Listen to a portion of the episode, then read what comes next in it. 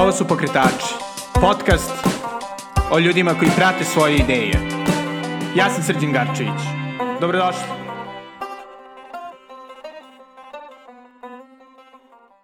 Dobrodošli u novu epizodu Pokretača. Sa nama Nemanja Cerovac, redka ptica na nebu pokretačke Srbije. On je serijski preduzetnik, možemo tako reći, ili serijski pokretač. On je bio uključen u Fishing Booker, e, u Laptop Friendly i sada u RevDash, što je novi startup gde će biti Business Development Manager u polju koje pomaže inženjerima da nađu bolje poslove i da testiraju svoje e, sposobnosti. Nas dvojica smo se sticam okolnosti upoznali tokom debate u davnim danima srednje škole. Tako da, e, ukratko, nažalost, pošto je verzija ovoga razgovora već bila snimljena, pa onda pospetno ćemo da da nije snimljena, izvini Nemanja, ne, ako bi mogao da nam čisto objasniš š, koji je put e, do toga serijskog pokretanja. Da, dobro pitanje. Ovaj, generalno, mislim, iz moje perspektive, ono, kažem, ono, kao, koje je to, kao, šta je mene dovelo do ovde, mislim da mi najviše dovela ta tvrdoglavost i neka moja, neka moja strast ka 500 stvari u isto vreme, ono, kao, generalno, ne, ne mogu, što je i ono isto vreme, ono, mana i, mogu kažem, vrelina je to što imam toliko nekih različitih interesovanja da želim da, ono, to su neke stvari, ono, što kaže, da budemo, kako, u svakoj čorbi, ne, u Mi svakoj-. Da, u svakoj čorbi mi rođe. Ovaj, I onda me to, ono, previše tih nekih zan- zanimljivosti imam i onda kao ponekad sam kao leptir, kao, ono, u, ovo, pa ovice, pa, na, i tako sam dosta skakuto, što je donekle i ono, kao generalno sam zadovoljan kad pogledam retrospektivu stvari, ali u isto vreme ponekad da znam da ti oduzima dosta energije. Um, sad, šta je tu najviše? Mislim da je bukvalno bilo to, ta, ta, ta, ta kao tvrdoglavost gde ono, sam izvalio da nekako kada sam krenuo, pošto kao, moj put je bio da sam na fakultetu, kao ono, na elektrotehničkom fakultetu koji sam završavao to programiranje, shvatio da zapravo želim, mislim, ono, davno sam znao da želim, imam tu neku, što kažeš, prokretačku energiju, da ono, želim da učestvujem malo zbiljnije u razvoju stvari, da nekako svoje ideje pretačem u realnost, i nekako ono što ja govorim, kažem, znaš, ono kao, imaš san, san pretvoriš ambiciju, amb- ambiciju pretvoriš u stvarnost. I onda kao, generalno, to sam stalno vukao time. I, ovaj, I onda sam kao skapirao, ok, ako to želim da uradim, treba mi još nekoliko veština da mogu akumuliram sada, da bi mogao to da radim. I onda, prvo sam bio ono kao, učlanio sam se i u organizaciju ISTEC i u ISEC. Uh, obe organizacije su više ono studentske organizacije koje pomažu nekom kao studentima da se osete kako je to, kako izgleda kao, si, nazovi simulacija nekog biznis sveta u mladim danima. I u tom ISEC-u sam proveo jedno 5-6 godina i ovaj, baš, baš, ono, dosta stvari sam naučio tamo kroz Ja sam se fokusirao da ne želim da radim ništa što ima veze sa IT-em, sasvim je dovoljno na fakultetu bilo i ovako što sam se ja igrao sa kompjuterom, nego sam teo da se fokusiram na to kao HR, business development, marketing, sve te neke stvari koje ne mogu da naučim kroz svoje regularno obrazovanje. I onda u isto vreme sam otišao negde u trećoj godini faksa na praksu zapravo u marketičku agenciju, to Huge Media, što mi je bilo jako zanimljivo, jer a, došao sam tamo kod njih i kao, e, ljudi, slušajte, ja hoću da volontiram i hoću da učim marketing ja sam programer. Ne razumem. Kao, pa lepo, jednostavno ne zanima, znači ja ću tamo da naučim programiranje, ali mene zanima da naučim marketing, ne želim ništa ovde da radim programiranje i ako možemo tako da dogovorimo, ja sam za. I oni su bili fazonu sure i jako su lavovski, pošto je to bila jako redka situacija tada, ovaj, Huge Media, inače srđana, ovaj, s Huge Media možete jako često čujete kako prenosi MotoGP, ovaj, pored toga, to mu je strast, pored toga, ovaj, a, svoje agencije. Ovaj, ono što se desilo je zapravo da su oni rekli, ne, dobit ćeš i kao i cash za to što radiš i učit ćeš to što želiš. I to je on kao stvarno bio jedan pokret koji mi ono, još mi je dalo ono kao, imaš na koga da se uglaš, što su mi kao bili neki prvi mentori. I, ovaj, I nekako tu sam počeo da učim te neke druge stvari koje nisu bile vezane toliko za inženjerstvo. I tako je to krenulo, gde je posle se to nastavilo u, radio sam neki 7 meseci u jednoj firmi, gde sam radio te kao Interactive Voice Response aplikacije koje su bile on, to continue in English Press 9 aplikacije, mm -hmm. bukvalno to, call center aplikacije, um, koje je jednostavno, na, ono, ne, nakon neki 3-4 meseca, nije mi proizvodilo nikakvu strast, jednostavno nije, znaš, ono, nisam se budio srećan što idem. I kako sam počeo da se pripremam, kao, okej, okay, hoću da idem za Berlin, Berlin je super mesto, jer ja volim elektromuziku, volim izlaske, jako sam ekstrovertan sa te strane, i uopšte generalno, i, ovaj, i pored toga kao je super ona scena za kao neki IT. Krenuo sam spremno da kao Android development i da kao odem tamo. Međutim, isto vreme pojavio mi se taj, ovaj, mi se pojavio se moj drug iz srednje škole, jako dobar posle na fakultetu, Vukan, koji je bio fazon, e, pre par meseci sam kao počeo da pravim ovo i kao izgleda da će nešto biti od ovog projekta, aj mi se priključi dok si tu, kao dok ne odeš u Berlin, da probamo zajedno. Jako, ajde probamo. Isto, ajde da probamo, pretvori se taj Fish and Booker, koji je danas kompanija od 50 ljudi i zapošljava 10 novih ljudi bukvalno sada. Tako da ono, fishandbooker.com, jobs, proverite, koga da je Aplicirajte. Aplicirajte. Jako super ekipa, ovaj, jako dobre stvari rade, jako puno može da se nauči, ono kao neka vedra atmosfera na ono, srpskom nebu. I, ovaj, I ono što je bilo super, ono kao radili smo to zajedno, sve posle neke dve godine, otprilike kad smo bili na 15-20 ljudi, odlučio da se ovaj, nastavim dalje, što je bilo opet jako zanimljivo i smešno ljudima, zato što valjda u Srbiji ti to očekivano kada ti iz nečega što ide ka uspehu, odlučuješ da se malo povučeš iz toga i ono, pređeš kao, da kažem, ono, skoro pa skroz pasivno u tome. Ovaj, ljudi su fazonu, šta se desilo, kako je to svađa se desila, razumeš, ono kao, ne, ljudi. Intrige, farma, Da. zadruga. Da, da, da, ono, tu ru, ru, ru, ru, ru, ru. ovaj, I onda jednostavno je teško da objasniš ljudima kao, bar ja sam takva osoba, da ono kaže ti vodim se srcem jako puno i, i ono što je meni bilo je kao mene ne loži ovo kako izgleda, ne loži me pecanje, nije, nije moja stvar, znaš, ono, nikada nisam u životu otišao na pecanje, mene ložilo da dokažem sebi da mogu da podižem kompaniju, da mogu da podižem projekt, da mogu, i to je bilo na savršen prostor, nas dvojica, isti godina, dovoljno ludi, dovoljno spremni da zagrizu, da se kidaju i da lome i da kao idu ono against all odds, da zove ono, ajme da, da malo dramatizujemo tu celu priču. I onda kao generalno, to je stvar koja je mene pokrenula i jako veliki vetar u veđa mi je zapravo bilo na moj na moje samopoznanje kao, ok, vidiš šta ste uspeli da uradite od, ono, jedne osobe, pa onda ja, pa onda od nas dvojice četiri, pa na četiri šestnaest, pa od šestnaest dva i tako dalje. Ok, ovo nešto radi. I onda u isto vreme sam počeo da posle toga, kada sam se povlačio, počeo sam sa nekom stranom ekipom, zajedno smo napravili tu neku globalnu organizaciju Source Institute, gde sam kao partner edukativna consulting, ono, kao grupa koja zapravo se bavi edukacijom u preduzetništvu i da prvo sam jako puno vremena za njih 3-4 godine u Africi, Aziji i po Evropi, radeći na tim različitim edukativnim programima i radeći ono, na različitim zanimljivim projektima sa preduzetnicima koji tek počinju, kojima treba to ono, da im pomogneš ono hands-on ovaj, te stvari.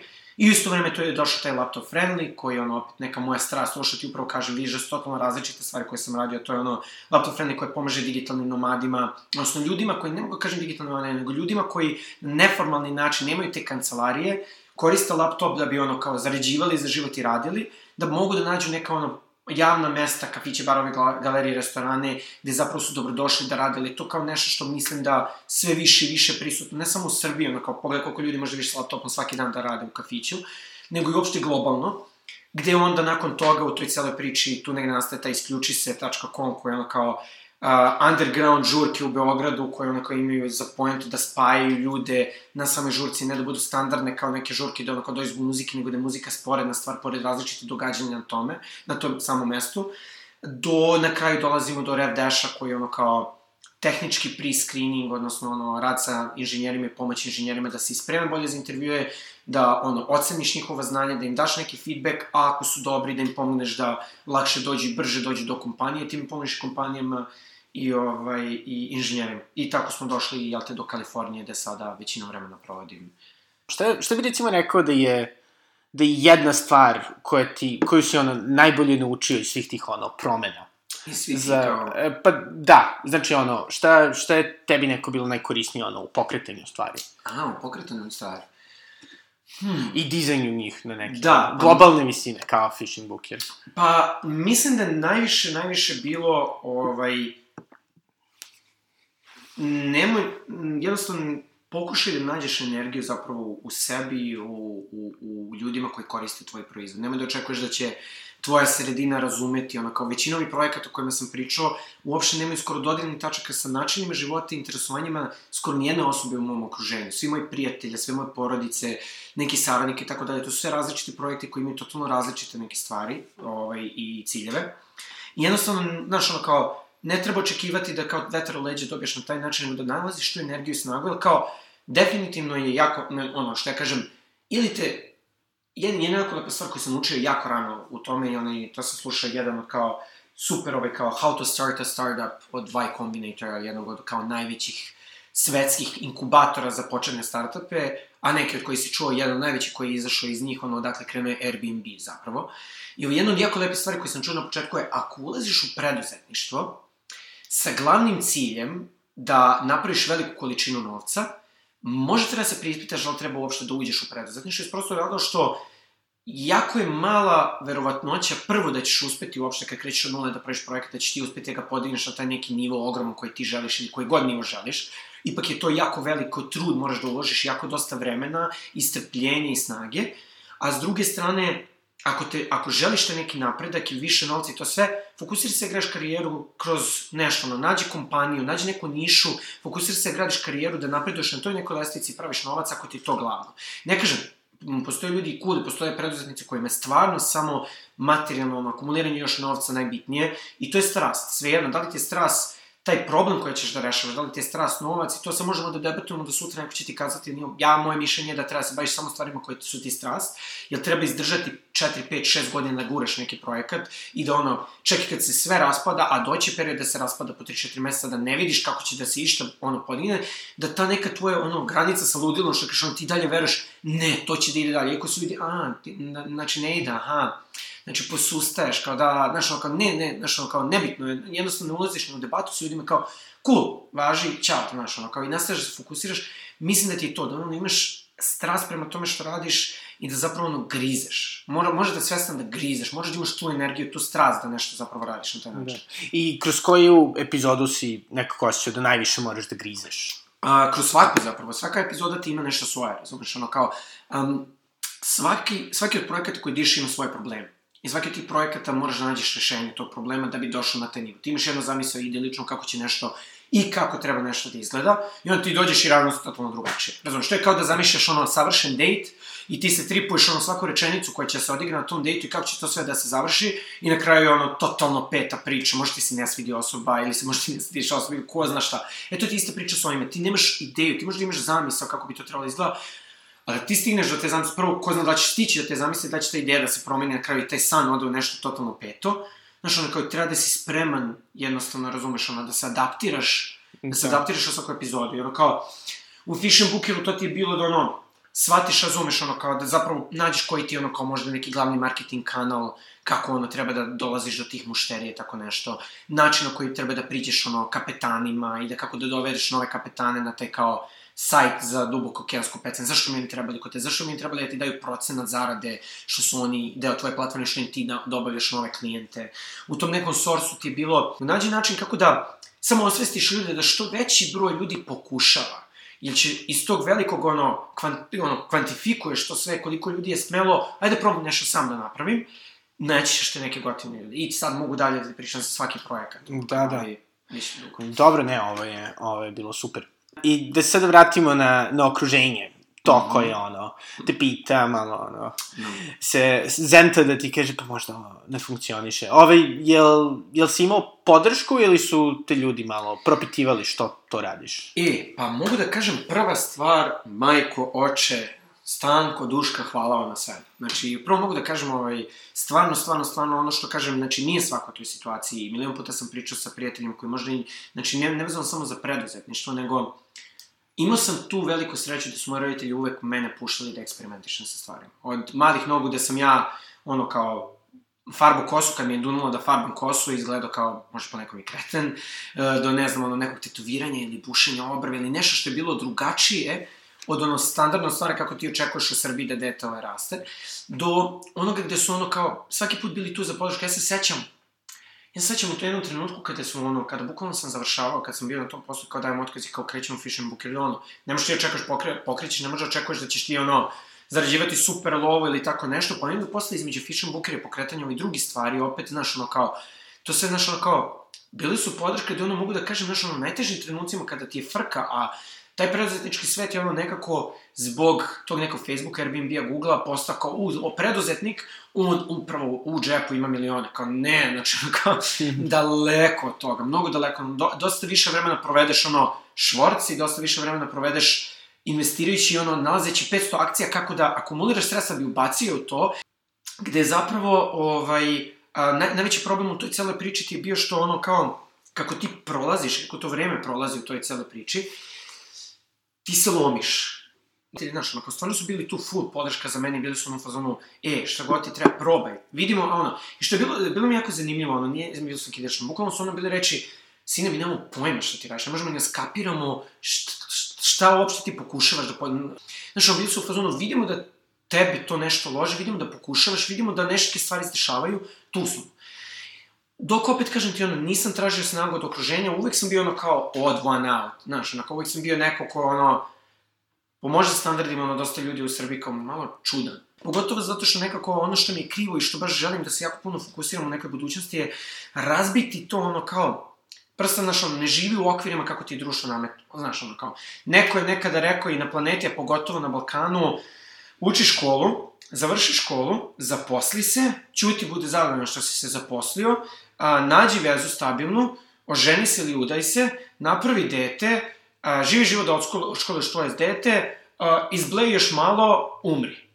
I ja ne vidim poentu života tako nečemu. Ono kao, ne da ne vidim, znači ono kao, ne, ja, jako imam kivan, jako sam kivan kada vidim da ono kao, neko ne radi to namerno, jednostavno tako je i podignuti ni način razmišljanja, sve jednostavno ono, ne smatram, znaš, ono kao, nađi, nađi, nađi sebe u celom ono, koordinatnom sistemu da. konfuzije. Da. ali nađi sebe, znaš, ono kao, jednostavno, idi svojim putem ono kao, bukvalno zato kažem slušaj sebe, slušaj šta te, ili ono kao sve ove stvari koje sam se, sekao i kao prelazio iz jedne drugu, znaš ono, sad kad bi vratio, jeste, svaki put je to stres, rizika, brineš se da li je dobro to što radiš ili ne, znaš ono kao, da li sam ono, ne mislim da ono, ono kažem, ono, jedno vreme sam govorio, imao sam više sreće praviti, ne, mislim da je zapravo energija koju imaš i način na koji pristupaš stvarima, ti samo otvaraju vrata, ili, jako je teško naći danas ljude koji prilike su ono, meni je danas teško kad zapošljavamo ljude, meni je jako teško ono kada mnogo mi je bitno kad vidim strast kod nekoga. Mnogo mi vidim kad ono, pričaš mu ono kao je ovo je pozicija, zašto plicaš viš vatru ono, u očima te osobe. I mislim da je to jako bitno, koliko je osoba spremna da, da grize u bilo čemu, razumeš, da je šampion u boćanju, ne zanima me, ti si imao st strast prema ne, to mi govori da ti voliš da se ono, da imaš strast u nečemu da želiš da ideš dalje. Da. A, I ono što je super je zato što ti kroz edukaciju i kroz širenje te neke ideje o preduzetništvu, da. E, ti se baš trudiš da, da ono, pokreneš strast i kod ljudi ovde. Jel možeš da podeliš par iskustava? Kako to izgledalo u Srbiji? Šta nekako da. nalaziš da su najčešće barijere i kako ih najbolje probijaš? Da, pa ovaj... A, prva stvar, jako, jako mislim, ono, ovaj, jako volim da sam da se jako direktan što se toga tiče i, ono, i, i a, jako česta situacija da koristim nekonvencijalni jezik, da na neki jako direktan način pokušavam sa ljudima, pogotovo mlađim ljudima, da ono, e, ne postoji jaz, nema da mi gledaš, u, nekom je doveo ovog lika i sad je rekao neki tri kompanije, ovo uspešno, ovo, ovo, on po sve, celom svetu radi, drži ovo, drži ono, ludnica i to kao, u, on je za... Ne, kao isto sam bio kao i ti, ono. Dojao sam kupici na kraju, u kraju, cirko pivo sa društvom, zajebavao se, a, ono, blejao... Gde si dosta cool kontakata i upoznao. Da, gde sam dosta cool kontakata, znaš, ono, ti nikada ne znaš, ono, milion stvari, ono, kao se izdešavalo u mom životu samo zbog toga što, ne znam, ono, da, nisam u prvoj godini srednje škole se zaljubio u devojčicu koja je bila na prvom spratu 10. gimnazije, a ja na drugom, i da nisam teo da sedim konstantno na prvom spratu, da bi bio blizu nje, ne bi se upoznao toliko blisko sa Vukanom, ne bi počeo da se družiti s njim, ali on bio na prvom spratu i ne bi pokrenuli možda fishing buke. Vukan je bio ovaj, collateralni benefit. Da, bukvalno to, ono, kao, ali mislim da je stalno, jednostavno, nikad nisi svestan šta ono kao, šta vrata sva ot, ovaj, otvaraju. Zato mislim da je jako danas ono dosta bitno to da ulažeš sebe u to upoznavanje i druženje sa ljudima, ima kao, ja kažem, nesebično vraćanje, da na neki način vraćaš te zajednici. I da vratim priču na to Srbiju i sve te neke različite edukacije. Ono što je najveći problem ovde je što nažalost, da, da, da, da izbegavam, da izbegavam ono peep, peep words i ostale stvari. Možeš slobodno, o, e, suj. super. Kao, da, Ove za odrasle. E, dobro, ne. Deco, u Srbiji ste, sigurno ste čuli ove reči. Da.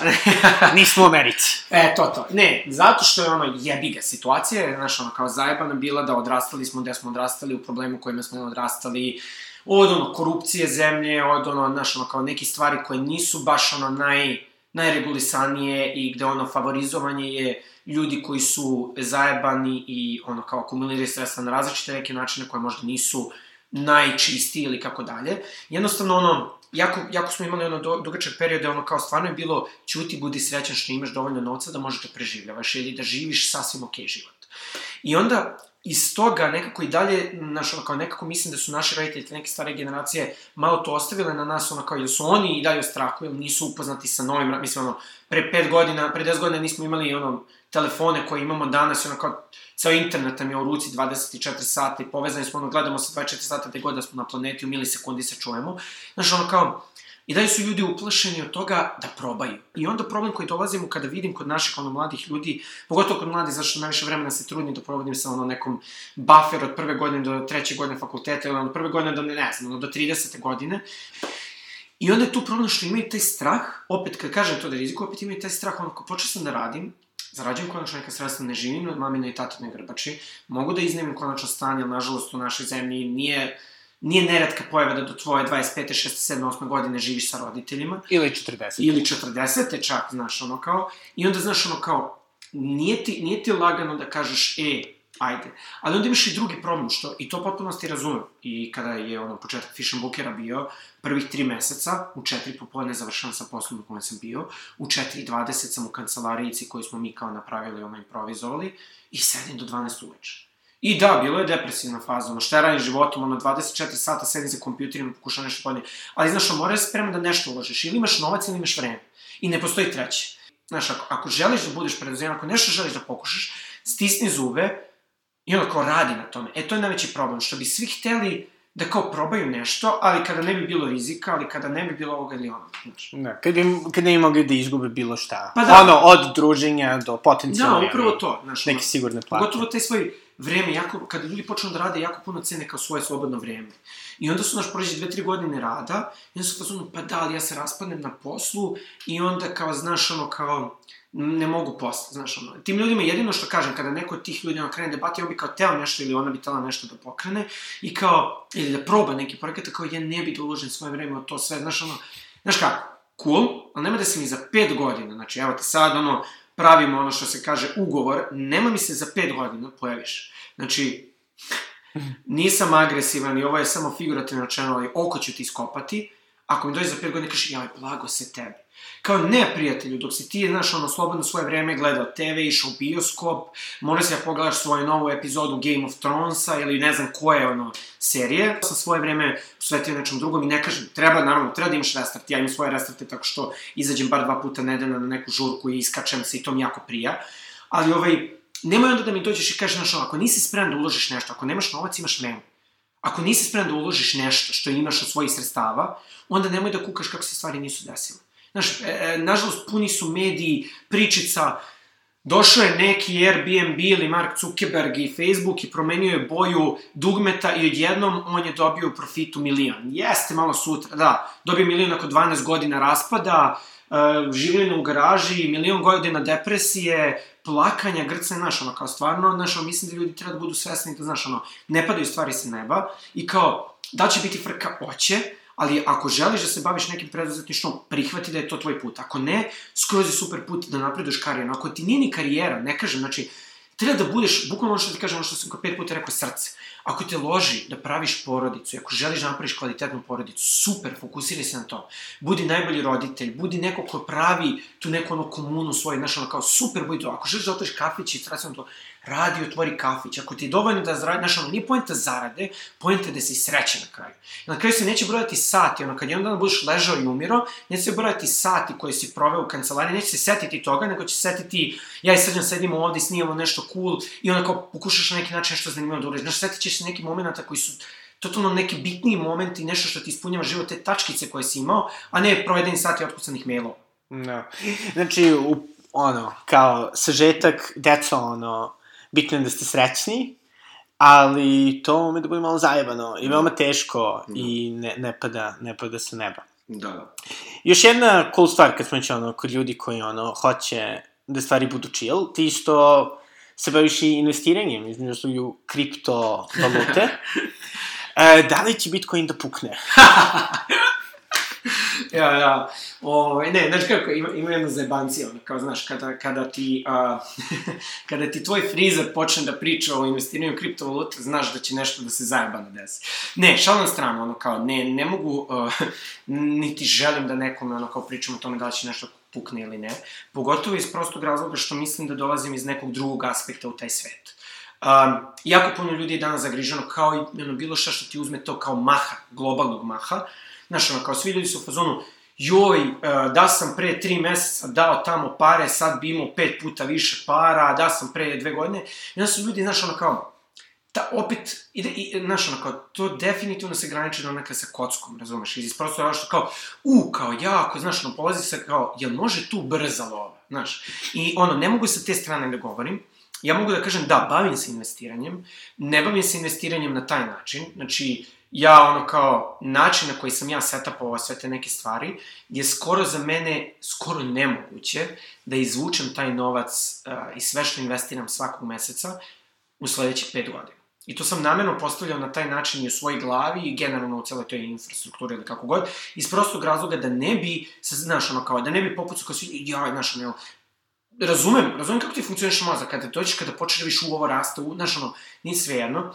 Ono što ja radim je, ja jako bolesno verujem u, u, u celu filozofiju što blockchain kao tehnologija donosi. Tako da, definitivno moj odgovor za to investiranje je ja i dalje verujem da će sve te kriptovalute, ovaj, jel, zapravo, zapravo nisam uopšte u Bitcoinu, ja uh. uopšte nisam u Bitcoinu, a ovaj, u 5-6 drugih valuta sam, ovaj, pogotovo ono što mi je jako drago je, te 5-6 valuta, to nisu valute, nego više su to tokeniti koji će se koristiti u nekim infrastrukturama od nekih projekata. I ovaj, jako sad tom komplikovano objasniti kako taj blockchain funkcioniše, ali generalno zapravo ono što radim je investiranje u projekte u koje verujemo ono kako će da uradi. Evo, poslednji projekat je zapravo sam i na neki način, ono neki, nazovi savjetnik, ono, u, u, u razvijanju tog celog projekta je ta kao a, ekipa koja je slovensko-srpska, Origin Trail se zovu, a, oni generalno ono, pokušavaju sa tom blockchain tehnologijom da jednostavno u tom nekom da. lancu nabavke i dobavke, ovaj, ako su to takve reči da možemo iskoristimo, pokušavaju Sorry, da ekonomisti. Da, da, pokušavamo da, pokušavaju da reše tačnije ovaj, baš taj ceo kako funkcioniše taj sistem i to su ti neki projekte koji me zanimaju, koji imaju pravu neku svrhu i poentu. Da. Tako da da, znači ono kao, definitivno da. se slažem da treba i dalje da se... A, je li imaš ono neki kao, uh, neke predloge za, za resurse gde ljudi mogu da pročitaju malo više o blockchainu? Um, nažalost, na srpskom jeziku jako malo ima kvalitetnih resursa. Na engleskom? Na engleskom ima dosta resursa, ali generalno ono kao postoji ti nekih, ono, par knjiga, ono, kao, za početak, ja kažem, ako je Bitcoin, mislim, sad sve to problem, ono, kao, prva stvar, opet vam kažem, ako želite da pročitate četiri strane, mislite da ste razumeli sve, batalite odmah, znači, ono, kao, to je I definitivno da... nemojte da investirate pre nego što pročitate, makar četiri strane. ne, definitivno ne, ali ono, kao, definitivno ne treba ni u što investirati novac, ako nemaš pojmu šta investiraš novac, treba, znači, i takođe, opet kažem, investiranje u kriptovalute, ono, ako hoću, kažem, ono, kao, smatram da je to veliki rizik, a, i da mislim da ljudi treba da ono, od 100% novca koje želi da ubacuju investicije u deonice, u ovo i ono, bla, bla, bla, ili koje god investiranje da se bave, mislim da možda 10 do 20% treba da predstavlja ovaj veliki rizik kao što su kriptovalute. Jer, mm. apsolutno niko ne može da vam govori kada će da padne nešto, će se desi, propadne ceo svet, kataklizma, odemo na Mars ili šta god. Ali hoću da kažem da ono, a, generalno imate kao Mastering the Bitcoin, uh, uh, introduction to Bitcoin, uh, introduction to blockchain, what is a blockchain, generalno, mislim, ono, kao Google nam je prijatelj, tako da, mislim, bar sa te strane, ovaj, ali kao, otkucajte na Google i ono kao jednostavno malo se edukujte oko toga u šta uopšte ubacujete novac, jer ono kao, i ono što je nebitnija stvar, ne samo za kriptovalute, nego ako pričamo o tom investiranju, svaki mesec odvoji novac na početku meseca koji misliš da ti je okej okay za investiranje i odmah investiraj i ne čekaj sutra, sutra, sutra, a posle pet godina ćeš shvatiti da to sutra je prošlo. Mm. I onda ćeš da kukaš kako opet nisi počeo da akumuliraš neka sredstva za te neki bolji život koji hoćeš da imaš. Tako da to je ono kao definitivno sa te strane. Super. I sada, Nemanja, ovaj, kad smo već krenuli sa sutra, gde ti sebe vidiš za pet godina? Sada ideš u Kaliforniju. Da, da, sad većinom vremena provodim ovaj, uh, u Kaliforniji i ovaj, radići na Revdešu i sa tom organizacijom Serbian Entrepreneurs, ovaj, koja je kao počela pre četiri meseca i pokušala da pomogne kroz tu dijasporu koju imamo, ovaj, pogotovo jako, jako, jako dijasporu koju nisu ljudi svesni kakve ljude imamo po ovaj, stranim zemljama, pogotovo mogu govorimo ovo, ovaj, u Americi, a pokušamo kao da pomognemo i da na neki način pomognemo preduzetnike odavde i da kako god možemo i umemo da nešto uradimo, da, da odlučimo da nešto pozitivnije bude ovaj, u ovoj zemlji. Generalno vidim sebe, joj, Pa, ovo je najveći problem, ono, kao isto vreme, jako volim da zabavim ljude, tako da vidim sebe tu nekoj entertainment industriji, ono, kao zabavnoj industriji, ono, kao da je bilo neke različite diskusije o tome, ono, kao nešto u poslednjih 10 meseci me udra u glavu jako da bi volao taj kao neki record label, iako nikad nisam pravio record, znači nemam pojma ništa o toj industriji, definitivno opet, ono, uvek šta god da počnem novo što mi interesuje, posvetim 10 meseci učenja, prilaženju ljudima koji su jako dugo već u tome, koji me ono, kao usmeravaju to sve pre nego što odlučim uopšte da nešto za mene. Ali gde vidim sebe možda i najviše vidim u nekoj edukaciji. Vidim, znaš, ono kao, ima dosta ljudi koji se fazonu beže odavde, ima dosta ljudi koji su super i koji su rekli ne, ostani ovde, generalno u svojoj glavi, ne meni. Um, generalno vidim sebe kao jedna od osoba, ona koja želim da, da budem ta neka spona između sve to što se dešava u svetu, poda da iskoristim to što sam uspeo da se iskonektujem s tim ljudima, da kroz sebe pokazujem kako je Srbija super, a, a s druge strane da pokušavam maksimalno koliko god ima snage i svega, da ljude oko sebe u Srbiji motivišem, ajde, ajde pustimo kukanje, ajde da pustimo sve te negativne stvari, ajde da pustimo to očekivanja da neka vlast, da neki roditelj, da neki drugi ljudi treba da su budu odgovorni za našu budućnost i da se fokusiramo, ajde ti pokušaj sam sa sobom da rešiš svoju budućnost. I definitivno vidim sebe mnogo, mnogo više u toj nekoj edukaciji, definitivno vidim sebe da ono, sve više vremena provodim, ono, ispirajući mozak ljudima, probaj, nema šta da izgubiš, probaj, uloži malo sebe, vidi tu varnicu, testiraj da li je to za tebe i ono kao, to je neka strast koju baš onako vidim, vidim definitivno sebe u nekoj ozbiljnijoj budućnosti. Da. Kad smo kod edukacije, ovaj, jel, ima šanse da, da naši slušalci na neki način ovaj, prime ovaj, tvoju edukaciju uživo uskoro ili... Uh, pa iskreno, nažalost, zbog toga što ono, imam još par nedelja u Beogradu sada, toliko mi je ono show program, tako da ništa ne organizujem, ali definitivno, definitivno mislim da jako puno te neke preduzetničke edukacije jedna ekipa koja jako to super radi je ta Startit ekipa, koja možda neko je čuo za njih, ono, ali startit.rs, ovaj, jako puno događaja pravi na različite teme oko edukacije, to je dosta vezano za tehničko preduzetništvo duše, Ali ovaj, definitivno neka stvar u budućnosti koju, kažem, ono, sa Serbian Entrepreneurs, koje možete i da nađete, ja mislim da serbianentrepreneurs.com da. ili tako nešto. To je možda ako hoćeš par reči o, o njima. Pa da, generalno ideja, ovaj, ta organizacija je nastala pre četiri meseca, ja sam nešto relativno skoro onaj, dokazao i priključio, zato što je jako je, jako je, jako je selektivna organizacija, zato što je cijela ideja organizacije, a, ne želimo da napravimo ono, klub, udruženje, ja sam srpski preduzetnik i to je to, nego želimo udruženje, odnosno želimo neku zajednicu ljudi koji su,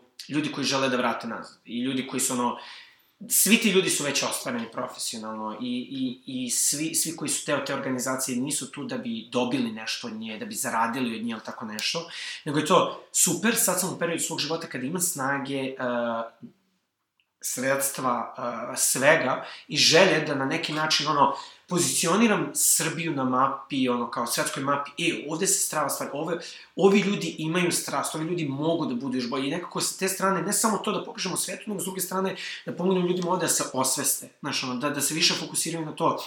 Ajde da probam. I generalno kao celokupna ideja sa Serbian Entrepreneurs je i definitivno ono, 5000 projekata pričamo, 5000 stvari neke ono kao, gde želimo da vidimo, ok, ne želimo da idemo na, ono, jako puno ljudi odluči šta oni misle da je potrebno, ne, ono, kao došlo su je fokusirano Serbian Entrepreneurs je zapravo um, da vidimo i da oslušamo i razgovarajući sa ljudima ovde koji su i preduzimljivi, koji možda i znaju bolje ekosistem, i ono, kao ja sam već dosta probao, pa mogu ja neke svoje mišljenja kažem, ali opet ljudi koji su i dalje ovde i većinom vremena ili uopšte svih ljudi koji ovaj, se bave bilo kojim vrstom preduzimljivosti ili preduzetištvom, da vidimo šta je to što možemo da vratimo na neki način, kako možemo najbolje promognemo. Da će to biti neki online edukativni programi gde ćemo da pričamo kroz neki YouTube, da pričamo ljudima i ono kao imamo neki kursić nazovi, ono, kako da se ubaciš u razmišljanje o preduzetništvu. Da li će to biti najuspešniji projekt u smislu neko ko ima perspektivu i ko gazi, ko je ozbiljan da aplicira i to već radimo, da može da aplicira kod nas na tom sajtu serbianentrepreneurs.com, um, da jednostavno može da aplicira i da kao ako je dobro, zašto mu ne pomognemo kroz mentorstvo, kroz to da ga prespojimo s nekim, da mu otvorimo neka nova tržišta. I ništa, znači ono, pojente što ne postoji ništa za uzgled. Ne, nema tu nečega ono, mi uzimamo ovo ili tražimo ono, ne, znači ono, cela pojenta je ojačati brand, srpski brand kao kvalitet i kao nešto što je jako dobro ovaj, i da pozicioniramo na da. Što je fantastično, zato što mislim da je mentorstvo, pogotovo ljudi koji su odrasli u sredinama ili imali, e, bili izloženi sredinama gde je taj preduzetnički duh malo jači. No. Ovaj, nešto što ovde u suštini nedostaje, jer većina profesora na univerzitetu, naših roditelja, mm. nisu živjeli u ovoj novoj ekonomiji. Da. E, ko su tebi bili mentori? Um, ha, imam, pa mogu da kažem da ono, um, neke online i offline. Ovaj, imao sam, kao što sam pomenuo, znači ono, neka mogu da kažem ono, neki prvi kao ti biznis mentori, odnosno neko ko je prvi mi pomogao da se više malo fokusira na to neko svoje preduzetništvo, su definitivno bili a, ekipa iz Huge Medije, a, Srđan Erceg, a, Ivan Rečević, a Nikola Barać, ono, kao njih trojica koji su ovaj, vodili uh, celu Huge Media, kao definitivno su prvi ljudi gde sam ja video i nešto mi se svidla ta energija, na način na koji su podizali, način na koji su razmišljali. To definitivno, ti ljudi su prerasli, to mi je jako drago, iz nekog mentorstva prijatelji, jako dobre prijatelje sada, gde se ono pomažemo kako možemo, ovaj, jedni i drugi, ali kao to su neki prvi bili mentori. Nakon toga, generalno, pojavljivali su se, ne mogu da kažem da je bilo ono kao sad osobe, da sam ja imao ono kao mentorske sastanke ili tako nešto. Sve su to bili neki ljudi koji su ono, energija koja je bila ono kao, ja, ja sam imao, ja imam generalno, pošto ja dosta sad mentorišem ljudi i kada neko mi traži da mu bude mentor, ja sam to povukao nekako kako sam ja teo da fokusiram to mentorstvo sa nekim ljudima, to je, um, ako trebaš nekog da posveti vreme da ti da svoje znanje i to sve zarad manje više ničega, ono, prilike, on, on ulaže svoje vreme. Prva stvar, svakome prije da vrati na neki način. Mislim, ne mogu da kažem, dobro, možda sam korešao svakome, ali jako puno ljudi voli na neki način vrati, da prenese to nešto nekog novog. I onda, ovaj, ako već uzimaš nečije vreme, jer to je ipak resurs, onda budi korektan i onda ono što ja uvek tražim ljudima koji mentorišem i kako sam se ponašao na nije, sve što mi popričamo danas i što se dogovorimo kada na kraju tog našeg razgovora i diskusije, kao kažemo ono, ovo su stvari koje ću da probam. Ako smo dogovorili šta ćeš da probaš, i ti si rekao da ćeš da probaš, nemoj se javljati za nedelju dana, za mesec dana, tako nešto se vidimo ponovo i da opet mi filozofiramo, sedimo dva, tri sata, se dešavalo kada su, hvala Bogu, ovi neki moji projekti gde sam ja bio deo njih počeli da odskaču, mnogo ljudi je telo da priča, mnogo ljudi je jednom moći da bude preduzetnik, jer Mark Zuckerberg, svi i tako dalje, nemam pojma, ono, valjda je to superstar osjećaj. Kupio sam hoodie, hoćete mi milijardu dolara. E, to, otprilike, ovaj, mislim da, znaš, ono, malo je pogrešno s te strane postavljeno, ali dobro, polako se menja ta scena i polako malo nema više ta, tog, ono, superstar momenta. Ovaj, no ljudi kao žele pričaju, pričaju, pričaju, ti kažeš, ok, ti onako dođeš i potrošiš svoj sat, dva, i dogovoriš se i kažeš ovo i onda ti se osoba javi za mesec dana, ti skontaš da on nije ni pokušao ništa od toga, da nije ni pročitao. I onda sam uvijek zadavao, onda sam naučio posle drugog i trećeg puta kad sam ono, izgubio vreme, odlučio, ok, ovo su stvari koje treba da se desi. Imam samo jedno pravilo. Ako dođeš sledeći put i kažeš, uradio sam to, to i to, probao sam ove stvari što smo rekli. I ono što sam dobio kao ishod je to, to i to, imaš opet moje vreme. Ako ne, nemoj ni uopšte da me pozoveš. Nemoj, jednostavno, nemoj me pozoveš, možda me pozoveš, ajde da popijemo piće random, ako imam vremena, posvetit ću ti se, doći ću i ono, provešću neko vreme s tobom i to, a nemoj me zoveš da pričamo o, o tvom projektu, nemoj da počnemo pričamo kako ti da razvijaš neku svoju karijeru ili bilo šta dalje. I to je isto što sam prenao na mentorski rad sa bilo kime, u smislu, kako god sam pričao sa nekim, kažem, e, ne mogu da skapiram ovo, kada uradim to, onda sam sebi sam zadavao i onda neke podsjetnike i to sve, ja vi toj osobi reći šta si radio, jer na ti način kada ti nekome kaže, e, slušaj, probao sam ono što, što su mi rekli, ovo je radilo, ovo nije, hvala ti puno i tako nešto, pokazuješ neko poštovanje prema vremenu i pokazuješ neko poštovanje prema osobi. Tako da, da. Da, i u ostalom, na neki način, ono, fokusiraš problem, nije kao šta da radim sa svojim životom, kako da budem uspešan, nego... Ali da, mislim da, da to bi ti samo dodao ono kao da ne bude nešto ono kao, probao sam dosta vremena čitajući različite ono kao, jel, kazao sam ti imaš svoje usponi pad faze, tako da dosta sam istraživao, na primjer, dosta su mi pomogli ono kao od nekih mentora, nazovi, to su mi ono kao blog po imenu Wait But Why, ovaj, jako zanimljive teme, jako dobre diskusije, jako dugački blog koji te malo razmišljaju ono o životu. I opet mislim da treba da ne izgubiš sve sa životom i šta je poenta života. To nije rad, nije akumuliranje, nego život sam život. I mislim da ljudi dosta to često zaboravljaju da se izgube u upravljanju, u prevelikom radu i prevelikoj nesreći i nisu spremni da menjaju te stvari. Ja mislim da je jako bitno da budeš, ne moraš konstantno srećan, ali, znaš, ono, kao ako dva puta za redom u roku od 10 meseci pitaš sebe jesi srećan i da li si tužan, nešto moraš podhitno menjaš u životu, znaš. E, Mark Manson, blog njegov, ne ubica, nego Mark Manson, ovaj, jedan bloger koji dosta piše o psihološkim temama isto, ono, kao to su osobe koje su to, ono, pomagale mi da sebe koncentrišem nazad sa te psihičke stva, strane. Naravno, ima ono, Y Combinator koji je bio taj How to Start a Startup, gde je njihova ideja bila da su sa Stanfordom konstantno dovodili 400 minut, 400, 45 minutne sesije sa različitim tim uspe, uspešnim ljudima od Facebooka, Airbnb-a, Dropboxa ili bilo koje Ubera i tako dalje, su njima pričali na različite neke teme. I znaš, ono, kao jednostavno onda se tu se krenuo da kristališa, onda, znaš, ono, počinje da slušaš nekog, ono, u jednom trenutku kada počinješ, jako su dobri, ono, Gary Vaynerchuk, on je kao ljudima jako zanimljiv, zato što ima tu strast gura i gazi, lomi, proba i radi. Imaš ono kao Elon Muska koji ono opet neke stvari, znaš, ono kao imaš, imaš neki veliko aspekata, to ti je psihički da se držiš i istražuješ na toj strani kako da ono se boriš sa anksioznosti, depresiju i to. Imaš onda onaj drugi deo koji ti motivacioni gura i gazi lomi, mislim da je to neki kao drugi aspekt gde ljudima treba. Imaš onda onaj aspekt koji su ti uticeni ljudi, biznis uticeni ljudi koji ćeš da pročitaš njihove knjige o nekim biznis temama ili oko nekih tema o podizanju preduzetništva. I naravno uvijek će ti biti sad svakome različito, da ne pominjem sad određene Da, da. imena koje nikome ništa ne znači. Nisam imao nekog velikog mentora, jako veliku poznatu osobu, a znaš ono kao, različiti neki ljudi koji ti poštuješ u nekoj niši, ne mora ni ti bude mentor, ali ti okej da se posavetuješ sa njima. Znaš, ono, kao, nisam imao, dosta sam imao tih, ajde da kažem, savjetnika, ljudi kojima, ej, ja mogu da ti podelim ovo znanje o ovome, ti možda podeliš o ovome, ajde da razminimo znanje. I mislim da je to dosta bitno, ono, da se okružiš ljudima s kojima možeš da razmenjuješ znanje i sa kojima možeš da pričaš o temama koje su ti interesantne. Pošto smo, jeli, pri kraju, šta radi Laptop Friendly Ovaj, i šta radi Red Ne, znači, za Laptop Friendly, ovaj, kao što sam već pomenuo, celokupna ideja zapravo Laptop Friendly je u tome da pomogne ljudima da nađu neformalne kancelarije na dan, fleksibilne neformalne kancelarije u vidu kafića, restorana, galerija, barova ili bilo kog neformalnog prostora gde si dobro došao i ovaj, gde je dovoljno kvalitetan internet i tako dalje, jer sa sve većim ovim razvojem i koliko sve više više kao laptop je naše radno sredstvo i internet je ono mesto komunikacije, sve više klijentele i sve više ljudi koji rade tako on, on, sami ili rade van kancelarije, a, želimo da pomognemo ljudima da nađu takva mesta. I taj projekat do duše, iako nema biznis model, iako je, ono, ne zarađuje novac, da li će jednog dana to da uradi, nije ni bitno. Iskreno, sad u ovoj fazi došli smo od toga da nije ni bitno. Želja je ono, kao za sad smo uspeli da budemo devet zemalja i kao na toj platformi imamo devet zemalja a, gde zapravo pomažemo različitim ljudima kroz ono, to što gledaju u različitim gradovima, koji su to lokali super za njih.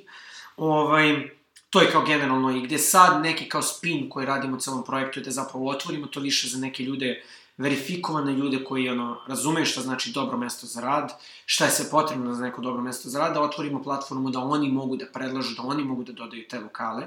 Tako da to je kao neki spin sledeći koji se desiti na laptopfriendly.co. ovaj, ne com, nego .co. Ovaj, posle... Biće link u show notesima. A, ima i toga. Ok, uh, dok Rev Dash, ono što jeste glavni fokus, ono 24 sata moj fokus ta, sada, je zapravo projekat gde za sada, ovaj, iako jako želimo da, da pređemo na celu planetu, iako jako želimo da neka globalna vizija je da budemo ono, uh, uh čekaj na srpskom, nikad nisam pičao Rev Dash na srpskom. Možeš, možeš i na engleskom. Knowledge assessment. Uh, neko mesto Procena gde- znanja. Procena znanja, ajde tako da ga prevedemo, ono kao neko mesto kao vizija da procenjujemo bilo koje profesionalno znanje u budućnosti, gde smo krenuli od onoga što imamo, ono kao, opet i najtraženije, nažalost, ovaj, sam, znaš, ono kao, nije nažalost, ali najtraženije jednostavno, taj inženjerske procene znanja, gde je za cilj, ono, inženjeri se, ono, registruju na platformi, a, zakažu intervju gde s druge strane neko od senior inženjera koji su više godina u industriji kao pokupi taj intervju koji imamo kao tu zajednicu tih ljudi koji kao s druge strane mi platimo, oni rade te intervjue sa, sa ovim junior inženjerima, odnosno ljudima koji hoće da se zaposle, ne moraju junior, kao generalno bilo ko ko hoće da proveri svoje znanje. Gde je nakon tih 45-50 minuta gde proverava se neko tehničko znanje u tim algoritmima, kako kodira neko i tako dalje, u tehničkim kao znanjima, da određene kao ono, feedback toj osobi, da određene kao obrazloženje šta je dobro, šta je loše, šta može da nap, gde može da napreduje, gde treba da se posveti, da još radi. I u situaciji da ta osoba je dobro uradila taj intervju, mi im pomažemo da ovaj, završe u nekim od kompanija ovaj, koje su za sada u, u, u, u Americi i generalno to je i način kako mi pravimo novac na tom projektu, a to je te kompanije plaćaju za te određene ljude koje zaposle. Od nekih fancy kompanija sa kojima sarađujemo su ono kao Uber, Mixpanel, tu je Coinbase, eto kad pričamo o kriptovalutama, Coinbase, um, Cruise Automation koji rade kao uh, automatske ova vozila koje su kao bez vozača i tako dalje. Znači, ono, prilično cool stvarčić. Pa da, zato što jednostavno u Silikonskoj dolini smo, o, ili Silicijonskoj, ali nije ni više bitno, ovaj, jednostavno provodimo vreme tamo i mislim odande tamo je najveća potražnja za time. Konstantno fale hiljade i hiljade inženjera, tako da definitivno ima prostora. I platforma je otvorena globalno. Ne, nažalost, platforma, platforma je otvorena samo za ljude koji imaju, a, koji imaju, ono, što se kaže, papire da mogu da rade u Americi. To su ljudi koji ili imaju američko državljanstvo, ili ljudi koji već imaju neke određene vize u Americi, ili nekoliko zemalja poput Kanade, Meksika, Australije, Singapura koji imaju neke posebne a, sporazume sa Amerikom da jako lako mogu da dobijaju neke te, njihove vize. Tako da, i dalje je nažalost zatvoreno. Zašto je nažalost zatvoreno? Iz prostog razloga što da bi mogao projekat da bude održiv, treba to polako i ono, totalno je novo, znači jednostavno, ne, industrija kao ta recruiting industrija ne radi na ovaj način i jako je ono kao, jako je rano i dosta imaš ti problema koje moraš da edukuješ zapravo uh, celu industriju kako se zapravo radi i kako sad vi pokušavate to nešto urediti na drugačiji način, da oni treba, treba da veruju da kao ti su radio inicijalno uh, testiranje nekoga, pa onda dalje ono. Da. Super, to zvuči kao fantastičan projekat. Inače, dodatni, dodatni razlog zašto će RevDash sigurno biti super je zato što je jedan od pokretača ovaj, i drug sa debate. Da, iz matematičke gimnazije tvoje i debate. Da. Tako da to je, ovaj, da, Nikola, Nikola ja se znamo još od osnovne škole, tako da da, ovaj... Tako da družite se sa ekipom iz osnovne škole. Da, da, cirkajte da. na klupici. Ne, ali umereno. Samo dva puta dnevno, nedeljno. po satu. Ali, ovaj, da. Pošto smo, čini mi se već ono, podelili dosta saveta o tome kako ljudi treba da pokrenu, koji ono, e, da kažem, e, koji odnos treba da imaju prema mm. pokretanju stvari. Možda bi bilo zanimljivo da kažeš ono, šta bi, recimo, sebi savetovao sada, ono, u trenutku kada si završio faks? Postoji jedna stvar koju tada nisi znao, sada znači, znaš. Aha, u trenutku kada sam završio fakultet, dobro, to nije bilo preteran dan, to je koliko, 4-5 godina, kada je 2013. Da. Ovaj, u, šta bi sebi rekao? Hm. Mm. Dobro pitanje. Pa rizikuj, mislim ono, nemoj da se plašiš toliko ovaj, rizika, mislim kao, nije kao da nisam nastavio da rizikujem, ali ovaj, probaj, znači probaj stvari i uh, definitivno očekuj da će se desiti neuspesi i budi okej okay sa time. Znači, nemoj da se vodiš sa time, ovo radim samo da bi bilo uspešno, veruj u to što radiš naravno, ali budi spreman da će ono biti više neuspeha i bit više padova i pehova nego što će biti pobeda i pokušaj da budeš okej okay sa time da će se to dešavati s vremena na vreme. I živi život. Nemoj samo, naš ono, nemoj da se razbijaš, nemoj, naš ono, kao, zapamti da na kraju će se samo brojati ovaj, lepi trenuci i fokusiraj se da zapravo se vodiš srcem. Super i čestitke na tome, zato što, makar ono meni deluje, da, da to definitivno radiš. E, hvala puno na što si ono odvojio malo vremena da, da budeš na pokretačima. E, slušalci, ono, show notes će da budu puni, ono, linkova za razne, ono, nemenjine projekte, za Uf. Serbian Entrepreneurs, što je da. fantastičan projekat, nadam se da će možda imati i još nekoga s toga kad na, bude, na podcastu. Kad budemo ojačali prisustvo u Srbiji. Da, i, i srećen put ovaj, u Silicijumsku dolinu. Hvala ti. Ok. Može bi. Ćao svima.